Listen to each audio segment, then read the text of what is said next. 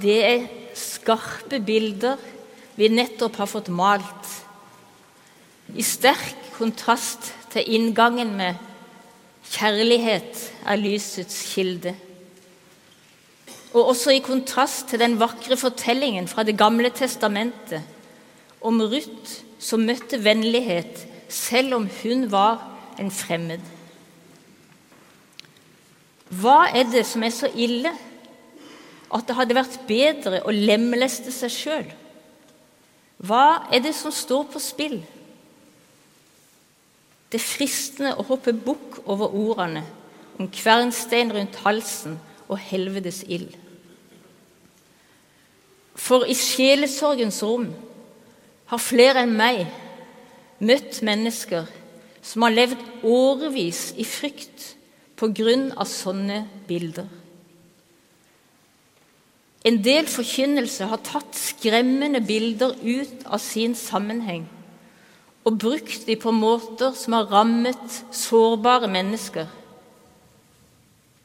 Mennesker som disse bildene slett ikke var myntet på. Snarere tvert imot.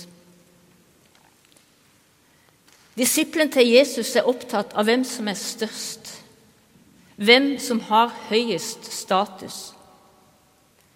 Et ikke kjent fenomen også hos oss. Vi vil gjerne opp og fram. Vi vil gjerne videre, utvikle oss, gjøre karriere. Det er naturlig. Vi trenger mennesker med høy kompetanse og selvtillit innenfor mange felt. Og det er ikke noe galt med konkurranse. Og jeg tror ikke det er det Jesus har reagert på. Men disiplene ventet at Jesus skulle peke ut hvem som var den største av de, hvem som var den viktigste. Og det er da han snur ting helt på hodet og kaller til seg et lite barn. Og I datidens antikke kultur så tenkte man at barna hadde ikke logos, dvs. Si evnen til å tenke og handle rasjonelt. De var ikke særlig ansett, og de hadde absolutt ikke noe barneombud på den tida.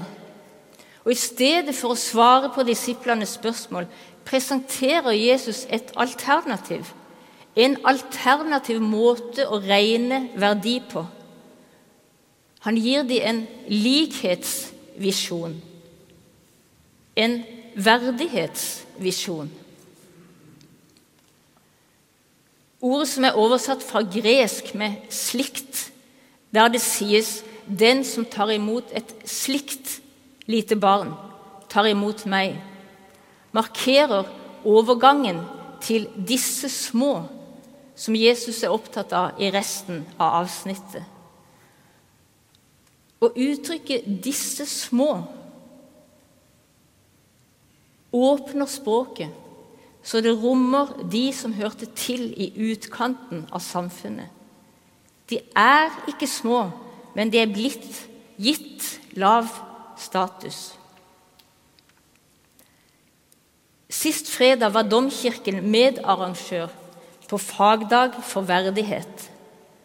Den arrangeres hvert år, særlig med tanke på mennesker som har vært utsatt for seksuelle overgrep.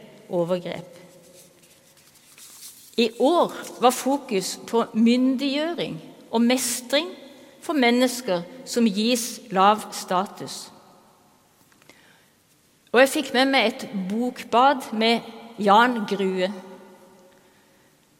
han la vekt på hvordan stigmatisering handler om makt, penger og privilegier. Og hvordan det oppleves å være i den underlegne posisjon. Han sa at han, man blir usynlig som den man vet selv at man er, men synlig som den man ikke er. Og for Jan Grues del en rullestolbruker som gjør livet krevende for oss andre. Dattera mi, Kristine, ble født samme år som Terje Kvam starta Domkoret. Og i disse dager så forbereder vi for eh, 40-årsdagen hennes. Og hun ble født med et sjeldent syndrom.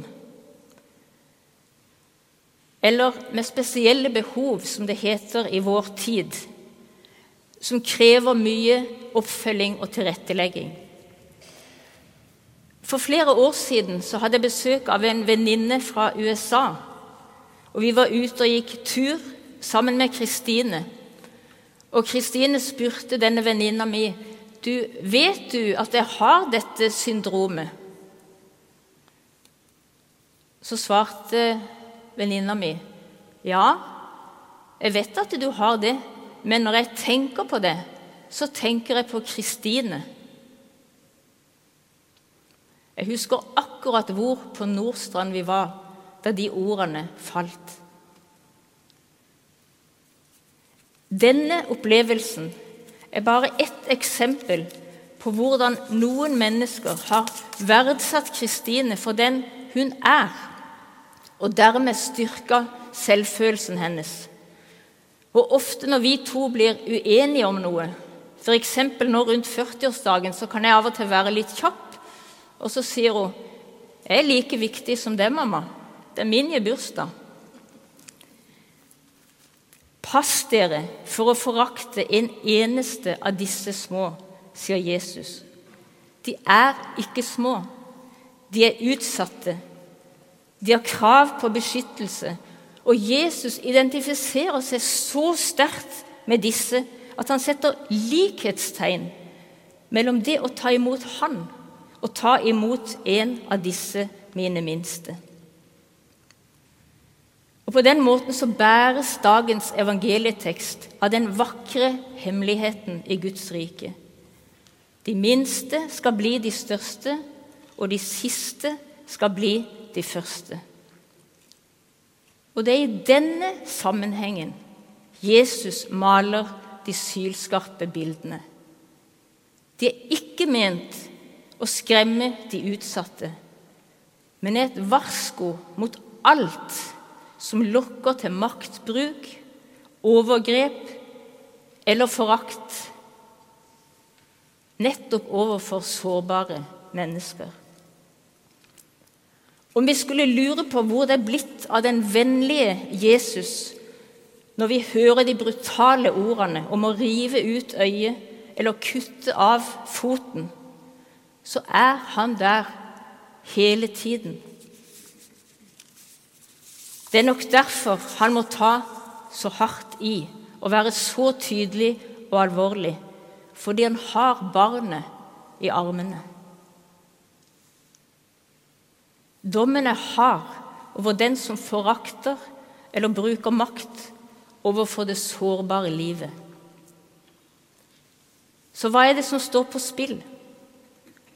Det er alle menneskers likeverd hvert eneste menneskes verdighet. Og gaven denne dagen er tryggheten på at Jesus ikke forakter sårbarhet. Den hører til det å være menneske. Og kanskje kjenner vi oss ekstra utsatte, noen hver, i en tid med usikkerhet og krig. Det er nå vi må ta vare på mildheten, vennligheten, omsorgen, anerkjennelsen. Derfor kan vi også nå i 2022 si med Nordahl Grieg Dette er løftet vårt, fra bror til bror. Vi vil bli gode mot menneskenes jord. Vi vil ta vare på skjønnheten, varmen som om vi bar et barn varsomt på armen. Ære være Faderen og Sønnen og Den hellige ånd, som var, er og blir en sann Gud fra evighet og til evighet. Amen.